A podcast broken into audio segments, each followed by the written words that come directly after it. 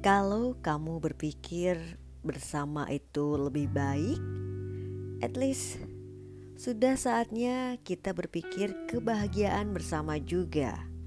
Karena kebahagiaan bukan hanya untuk kamu saja, tetapi pasanganmu juga berhak bahagia. Hai, this is life. By the way, kali ini masih membahas episode After Married bahagia. Hmm, sudah berapa lama sih pernikahan kalian Bina? Part 1 kita sudah membahas mengenai kebiasaan-kebiasaan diri kita yang mungkin pasangan kita not ready ya dengan tabiat asli kamu uh, which is kita selalu berharap semua baik-baik saja. Tapi Seiringnya berjalan waktu, banyak di antara kita pernikahan ah, dirasa mulai hambar. Tapi sayangnya, hingga detik ini kita pun sadar sebenarnya masih merasa cinta. Bahkan sayang banget terhadap pasangan kita. But why? Kenapa sih? Sebenarnya apa yang terjadi dengan pernikahan yang digadang-gadang akan berakhir bahagia? Tapi kalau kamu merasa jauh dari hal tersebut, kenapa hingga saat ini kita belum juga mengenal pasangan kita? Kenapa kita merasa tidak dianggap? Apa pasangan kita tidak membutuhkan kita? Uh, apa kita belum pernah mencoba hal-hal yang membuat pasangan kita bahagia? Atau mungkin kamu cenderung mencari kebahagiaan untuk diri sendiri? Sudah merasa dibicarakan gak sih sama pasanganmu ya mengenai kegelisahanmu saat ini? Mengenai perasaanmu yang sudah merasa tidak nyaman dengan dia.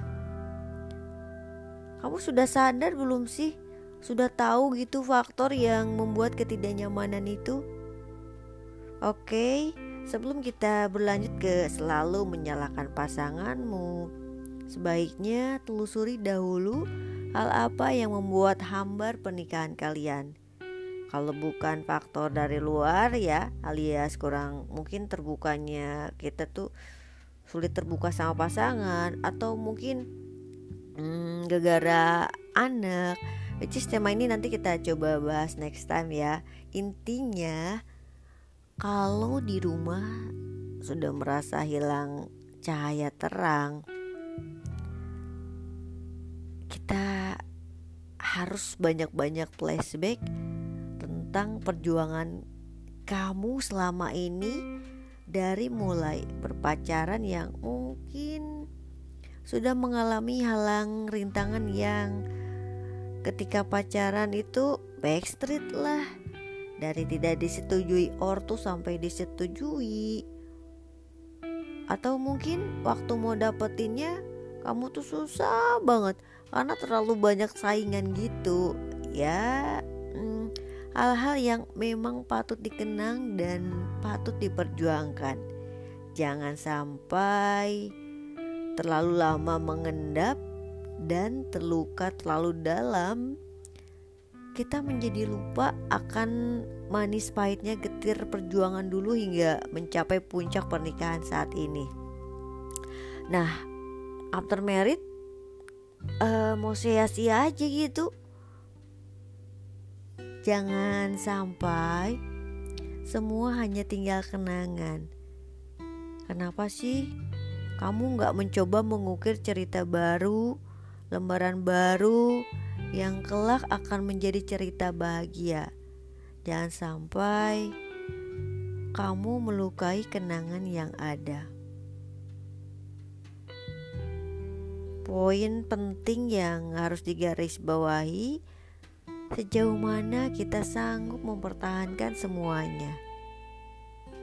Kalau seandainya cinta hilang tertelan oleh waktu dan rasa itu telah pergi Saatnya kamu mulai bangkit, lepaskan lepaskan kegundahannya. Jangan terpaku meratapi yang sudah terjadi. Belajar dari kesalahan. Kalau memang nggak bisa dipersatukan lagi, tidak ada lagi yang bisa dilakukan bersama.